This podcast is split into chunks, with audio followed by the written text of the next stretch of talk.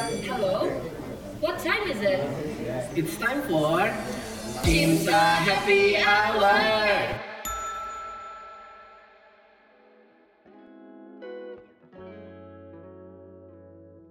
Halo semua, kembali lagi di Cimsa Happy Hour bersama kami Kelly, dan Wilson. Kel, hari ini kita mau ngomongin apa sih? kita mau ngomongin topik yang menarik banget Pasti kalian semua penasaran Yaitu Comprehensive Sexual Education Bener banget. Pertama-tama kami mau ngomongin dulu kondisi sex ed atau edukasi seksual di Indonesia itu kayak gimana sih, Kel? Kalau menurut aku jujur ya Masih kurang banget gak sih Will kayaknya Aku aja seumur hidup mungkin baru sekali atau dua kali dapat sex education dari profesional Iya, aku setuju banget. Aku ingat pertama kali aku dapat sex ed itu pas aku kelas 5 atau 6 dan itu pun hanya menyentuh anatomi manusia dan juga proses pubertas. Nah, Kel, kenapa sih penting banget untuk membahas sexual education ini? Karena menurut aku seks, seks itu sesuatu yang sebenarnya lumayan gak terelakkan gak sih di kehidupan semua bener manusia. Dan kita nggak cuma ngomongin soal hubungan seks loh, kita ngomongin juga soal pubertas dan Hmm. hal-hal sebagainya gitu-gitu. Dan daripada kita penasaran, kita bingung sendiri, kita nyari di tempat yang salah eh, sama orang yang salah dan Iya. dapat informasi yang salah, menurut kamu lebih baik kita dapat sex education langsung dari profesional aja nggak sih? Iya bener banget karena penting banget untuk kita tahu apa sih yang em, ter Masuk termasuk dalam proses reproduksi manusia, anatominya lah dan gimana sih cara agar seseorang itu bisa menjadi hamil, apa yang mungkin harus kita hadapi, apa yang harus kita lakukan untuk menjaminkan agar proses reproduksi bisa berjalan dengan sehat dan lancar. Bener banget, kita juga harus ngomongin gak sih soal ada consensual sex dan hal sebagainya Iya bener banget. Banyak banget sih yang bisa diulik dari topik ini Nah, kalau gitu gimana kalau kita langsung masuk aja Will ke topik pembahasannya? Oke, sekarang kita akan masuk ke tema utama kita yaitu debunking sex myth. Nah, daripada Kelly dan aku yang ngomong, mendingan kita men- mengundang aja profesional agar informasi yang kita dapat lebih dipercaya ya nggak Akurat Kel? gitu Nah, Hmm. makanya aku setuju banget nih Will Mending kita undang aja sekarang seseorang yang pengetahuannya tentang sex ed ini udah dalam banget dan udah banyak banget Yuk kita sambut bareng-bareng Dr. Alessandro Alfieri atau yang bisa kita panggil Dr. Andro Halo dok. Halo dok, welcome. Thank you, thank you. Oke, terima kasih dok udah mau datang. Em, kita kenalan dulu ya dok. Em, jadi dokter Ando adalah residen dermatologi dan venerologi dan juga adalah alumni dari Cimsa UGM Betul. yang pernah menjabat sebagai Lora Cimsa UGM dan Lora Cimsa Nasional. Benar ya dok? Bener bener bener. Wah keren banget dok. Wah aku jadi tambah penasaran nih pengen dapat ilmu dari Dr. Andro. Gimana kalau sekarang kita langsung mulai dok? Yuk boleh boleh. Oke, jadi kita mulai dari topik pertama ya dok. Hmm. Em, ini yang viral banget nih belakangan ini. Ada keluar aturan buat laki-laki dan perempuan untuk tidak berenang bersama. Katanya sih gara-gara bisa menyebabkan kehamilan. Em, Sebenarnya sih udah dipatahkan ya mitos itu, tapi masih banyak banget orang yang percaya. Kalau menurut dokter sendiri gimana dok? Betul. Em, kita harus tahu dulu sih kehamilan itu terjadi gimana. Eh, intinya sih kehamilan itu terjadi ketika si sperma yang dimiliki eh, seorang laki-laki yang keluar lewat ejakulasi itu ketemu sama sel telur yang dimiliki oleh wanita yang eh, ada di dalam tubuh wanita. Hmm. Oke. Kemudian setiap pria ejakulasi pasti keluar cairan dong. Nah, Iya. cairannya itu uh, cairannya cairan semen namanya. Nah, si semen ini itu yang membawa spermatozoa. Semen ini isinya adalah makanan-makanan yang dibutuhkan sperma untuk hidup di dalam uh, nantinya yang normalnya hidup di dalam uh, liang vagina dari uh, perempuan. Kita ngomongin dulu uh, konsepsi seks, seks secara normal adalah ketika penis masuk ke dalam vagina. Ketika penis masuk ke dalam vagina dan pria melakukan ejakulasi di situ, uh, semen yang membawa sperma tadi itu akan berjalan uh, untuk membawa sperma ketemu sama si induk telur. Langsung masuk ke dalam tubuh wanita ya? Betul, betul. Terus si siapa namanya? eh, sperma tadi karena lingkungan dalam vagina itu sangat baik untuk sperma, dia bisa hidup sampai lima hari. Jadi misalkan eh, kamu misalkan ya ada uh, suami istri having sex, uh, sperma akan hidup lima hari di dalam Vagina. vagina yang masuk terus dalam masuk nanti lewat uh, cervix masuk ke dalam uh, uterus nanti ketemu di uh, sama si sel telur tadi. Nah beda lagi kalau spermanya uh, bukan keluar di dalam uh, liang vagina si perempuan. Tadi ya kamu kan tadi bilang nih Di kolam uh, renang. di kolam renang Iya. nih kolam renang ada cairan. Mungkin orang awam mikir kalau wah sperma ini bisa gerak-gerak nih bisa berenang. Berarti di semua cairan dia bisa berenang. Emang bener? Nah kita bahas nih si kolam renang itu kan nggak cuman air.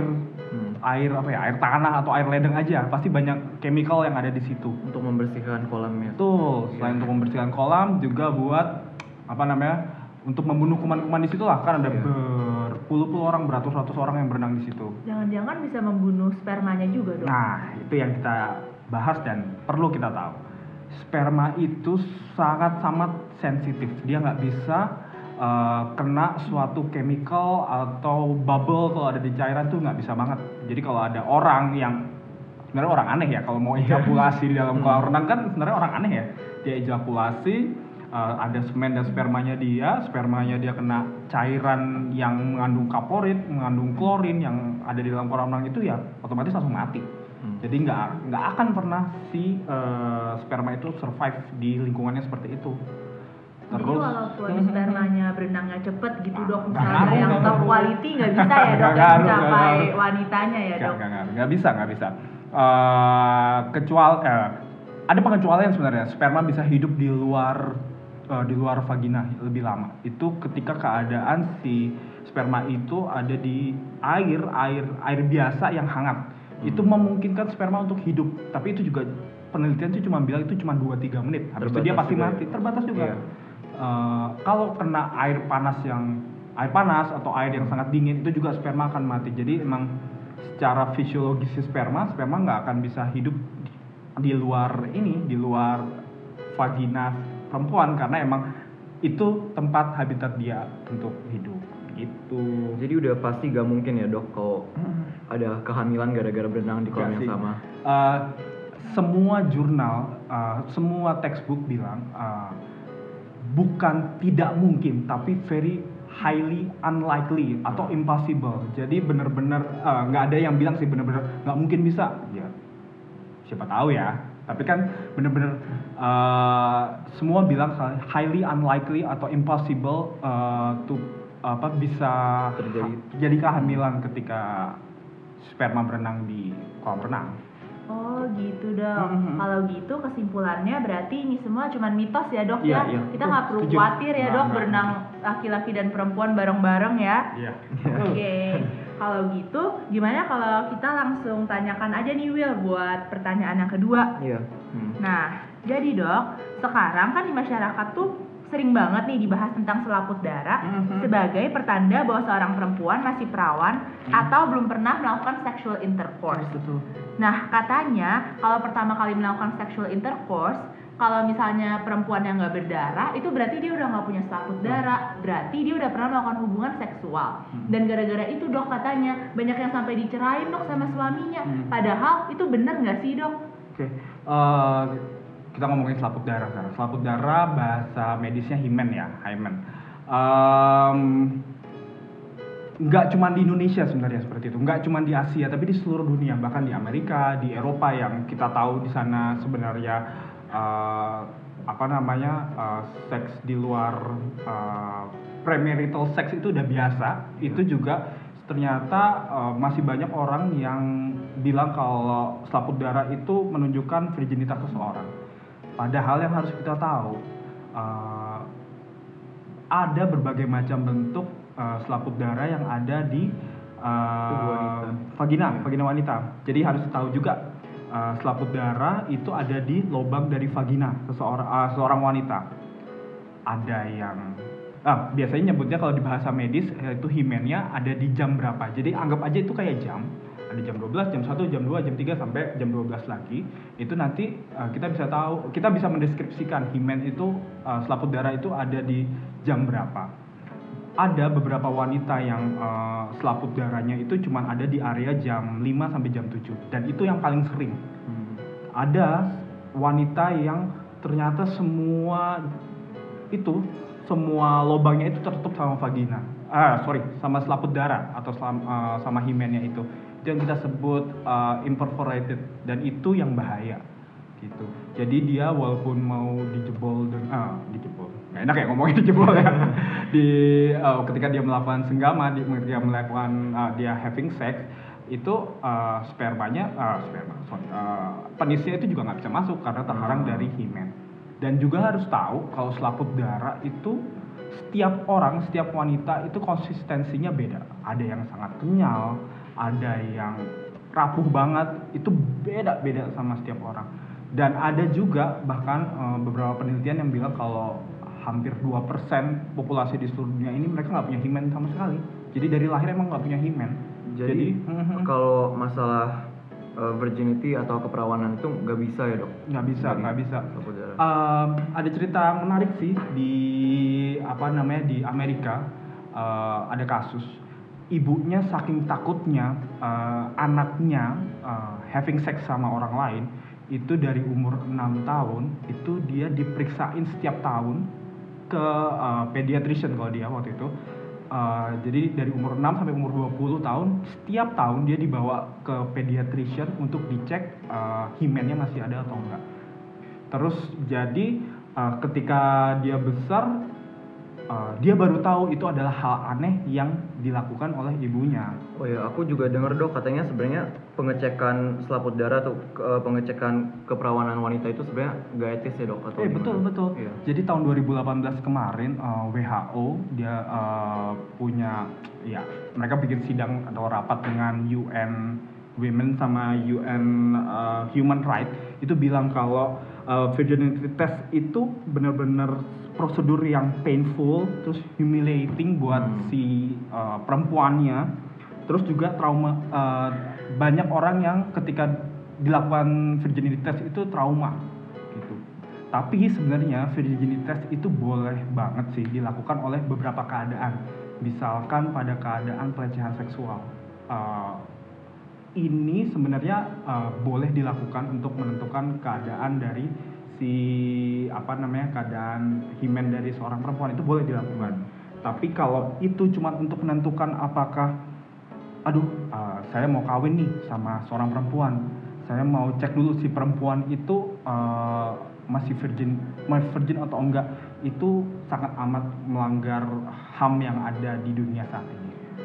Jadi sebenarnya dok kalau mau mengecek keperawanan itu selain mengecek selaput darah, sebenarnya ada nggak sih cara lain untuk mengecek keperawanan? Kalau keperawanan nggak ada ya.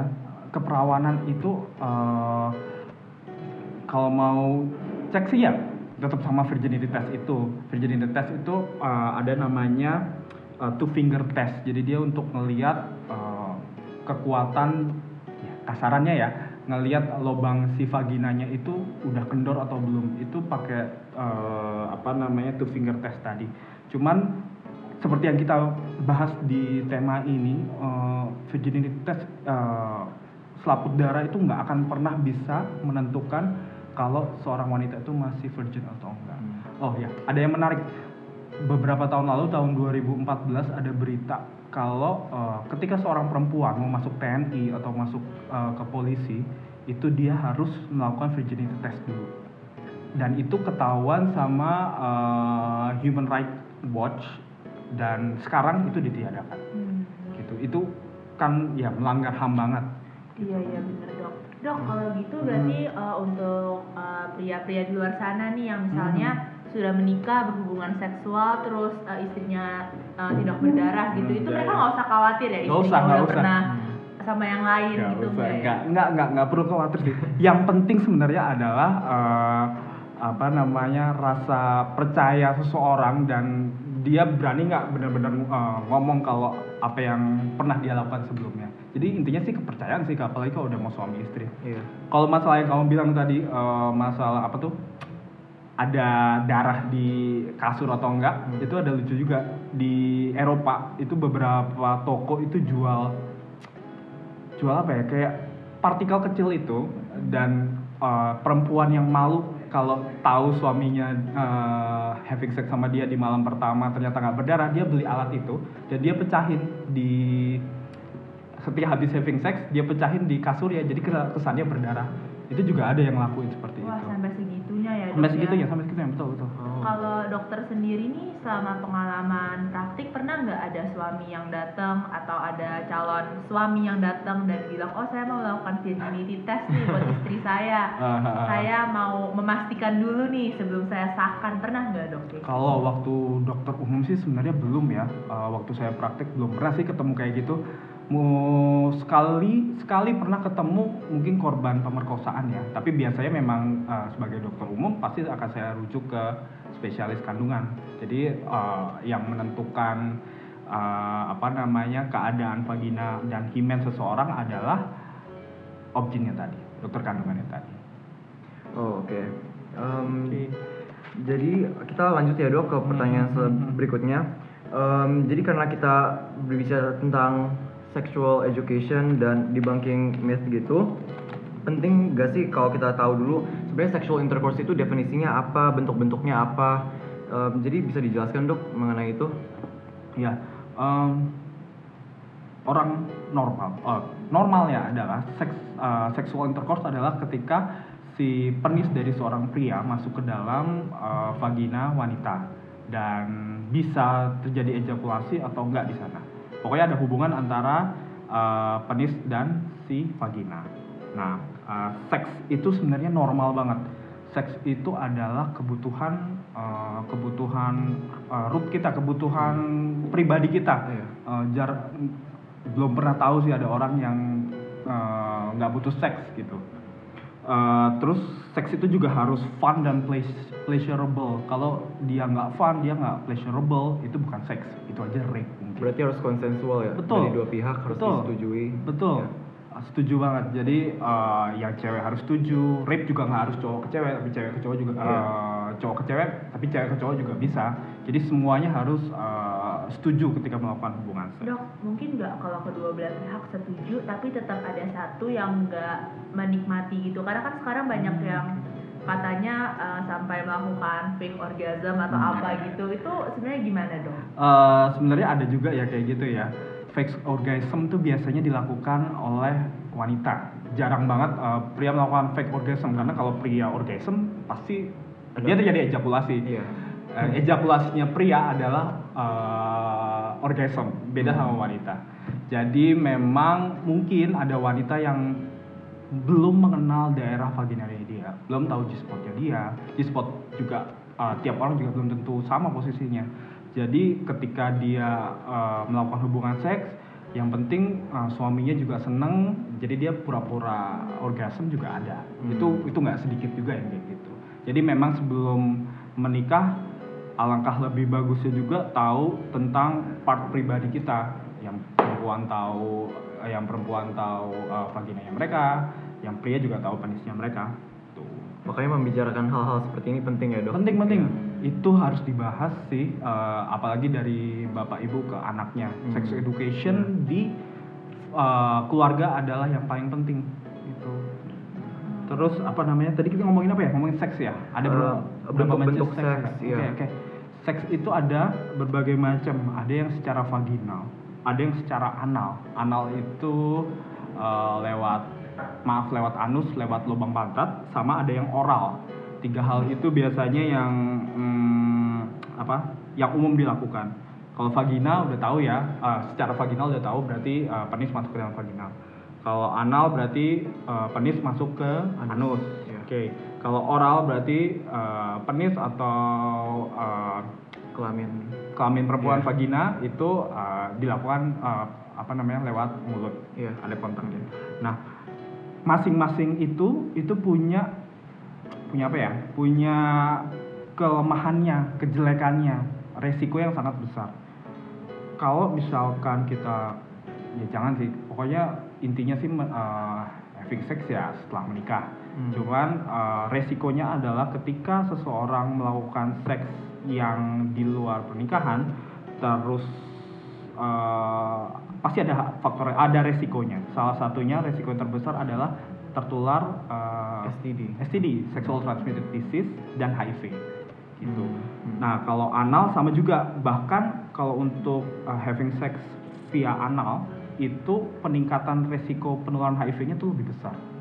Karena uh, si anal itu nggak punya apa namanya? Elastisitas. Elastisitas betul. Yang kedua dia nggak punya glandula-glandula yang menghasilkan cairan seperti di vagina wanita. Jadi ketika ada insersi penis ke dalam anus itu akan gampang terjadi perlukaan. Nah, ketika seseorang misalkan cowoknya yang punya HIV, eh, HIV-nya kena perlukaan, eh, apa namanya, eh, eh, spermanya kena perlukaannya, ada HIV-nya di sana, HIV-nya bisa masuk dan itu sangat meningkatkan penularan dari si HIV. Oh, gitu. Jadi Mm-mm. bahaya ya, Dok ya. Bahaya, bahaya. Kalau secara oral bisa juga dong. Bisa, HIV. bisa. Eh, eh, kalau HIV ya, kalau HIV itu sebenarnya dia akan minimal banget ketularan lewat oral. Tapi STD enggak, tetap bisa ketularan lewat Hmm. STD-nya. Tapi harus hati-hati ketika seseorang punya apa namanya sariawan, punya luka di gusi, luka di oral mucus, terus dia melakukan oral seks, bisa jadi, bisa dimungkinkan eh, sperma yang mengandung eh, apa namanya HIV tadi bisa masuk juga. Hmm. Pokoknya perlukaan itu bisa meningkatkan resiko terjadinya. Eh, jadi kan ini semua eh, bentuk seks itu ada faktor resikonya sendiri-sendiri. Betul. Nah, jadi apa sih dok yang bisa dilakukan agar seks yang kita lakukan itu bisa aman dan bisa benar- menyampai tujuan dengan tidak ada Tidak membahayakan hal yang kita membahayakan juga diri kita sendiri. Intinya adalah seks harus dilakukan eh, setelah menikah. Eh, mungkin ada yang tahu tentang ABCDE ya. Hmm, Ah, tahu dong, ya, dulu oh, pas ya, SMA ya, saya ya. belajar. Yang abstinence Ya itu betul, ya. abstinence. Jadi semakin kita sedikit, eh, semakin kita puasa lah, puasa having sex atau semakin sedikit kita melakukan seks, itu kita akan eh, menurunkan resiko terjadinya penularan yang tadi, STD dan HIV terutama. Terus yang B, be faithful. Selama kita hanya punya satu pasangan, misalkan eh, saya udah menikah, saya cuma mm, setia sama istri saya, saya juga akan menurunkan resiko terjadinya si HIV dan STD beda kalau misalnya saya suka jajan masih suka main ke tempat eh, apa namanya PSK gitu-gitu itu tetap akan meningkatkan resiko saya untuk terjadinya STD dan HIV Ya karena STD nggak muncul dari tiba-tiba muncul aja betul kan. Iya. betul Eh, ada yang bilang kalau misalkan eh, ses- eh, apa namanya kalau saya having sex sama seseorang saya berarti having sex juga sama pasangan-pasangan dia Sebelumnya, juga. iya. jadi saya kasarnya banyak lah having sex sama banyak orang gitu. Hmm. Dok, kalau misalnya nih ada seseorang yang dia faithful lah, tadi kan Hmm, faithful hmm, hmm. pada satu orang. Hmm. Tapi satu orang ini tuh pengidap HIV. Nah, Hmm. itu apakah ada cara untuk mereka tetap bisa menikah, punya anak, Ah, ya. tanpa ada penularan HIV-nya itu? Betul. Eh, ini cerita menarik sih. Eh, dulu sa- saya sebelum ini kan eh, sebelum masuk residensi ini saya kerja di Bethesda, rumah sakit Bethesda. Saya kerja di poliklinik HIV, jadi saya sering eh, membagikan air eh, ARV antiretroviral treatment buat si pasien. Jadi ada seorang wanita, eh, wanita itu punya suami. Suaminya itu belum bilang ke eh, belum bilang ke istrinya kalau dia suka jajan, suka Ah. suka main lah.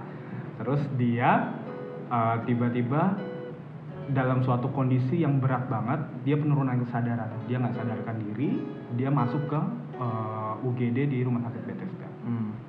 Eh, periksa, periksa, periksa, periksa, ternyata ketahuan kalau dia HIV. positif. Oh. Terus istrinya kaget.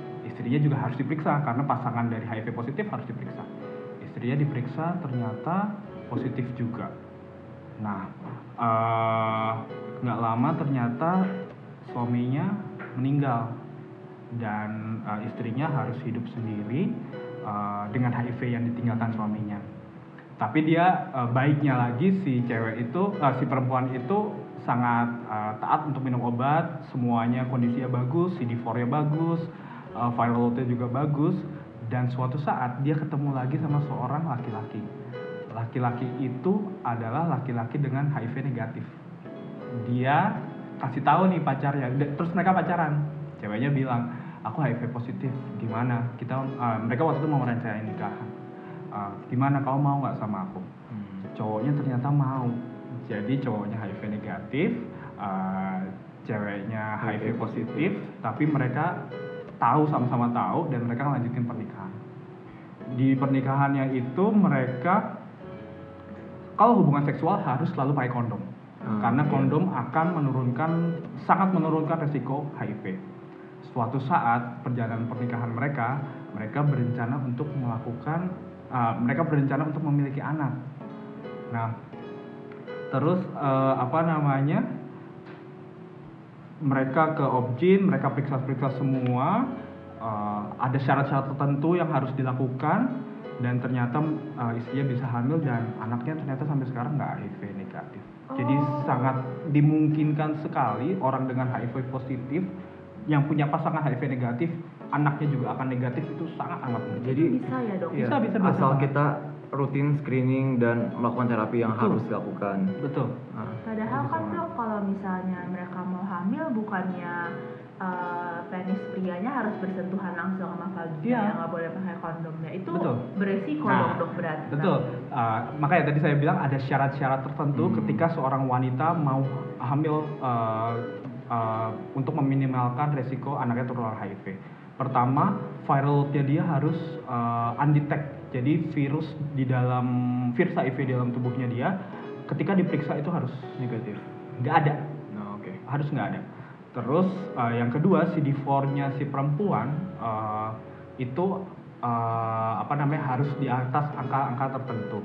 Nah, uh, ketika viral load itu negat uh, nggak ada undetect di dalam tubuh seorang perempuan atau seorang wanita, ah seorang perempuan yang mengalami HIV positif itu dia hanya 2% akan menurunkan resiko terjadinya bayi yang HIV positif juga. Oh, Oh, gitu. Jadi selam- sebenarnya aman, ya aman aman. Selama dia taat minum obatnya itu. Hmm. itu bisa kok bisa bisa banget bisa banget. Wah, jadi bisa jadi satu pencerahan juga ya dok ya. Hmm. mungkin kalau ada orang-orang yang mendengar Betul. cerita ini. betul. Terus tadi kan kita ngomong C ya. C itu kan uh, kondom. Kondom juga bisa menurunkan resiko terjadinya HIV sama STD Tapi tidak sampai sama sekali tidak ada Enggak, resiko ya. enggak. Iya. Uh, dia dibilang cuma 95%. Kalau Hmm. untuk STD itu bisa banget uh, dia nggak tertular, tapi khusus untuk uh, herpes uh, herpes simplex itu dan uh, infeksi HPV human papilloma virus itu dia masih bisa menularkan. Hmm. Karena kan biasanya kalau HPV sama si herpes itu posisinya nggak di batang penisnya pria atau di benar-benar di vaginanya, tapi kan bisa di luar kulitnya di sekitar selangkangan, sekitar bagian uh, pubis. Jadi kalau dia kontak tetap masih bisa. Oh, karena menular. kondom tidak menutupi betul. Kecuali masa Iya. mau pakai semua ya nggak mungkin kan? Selangkangan. Iya iya dok benar Mm-mm. juga. Jadi pembahasannya udah menarik banget nih sampai sini. Pasti pasti pada penasaran kan? Masih penasaran gak Will? Aku sih masih penasaran banget, Kel. Nah kalau masih penasaran, yuk stay tune buat part 2-nya.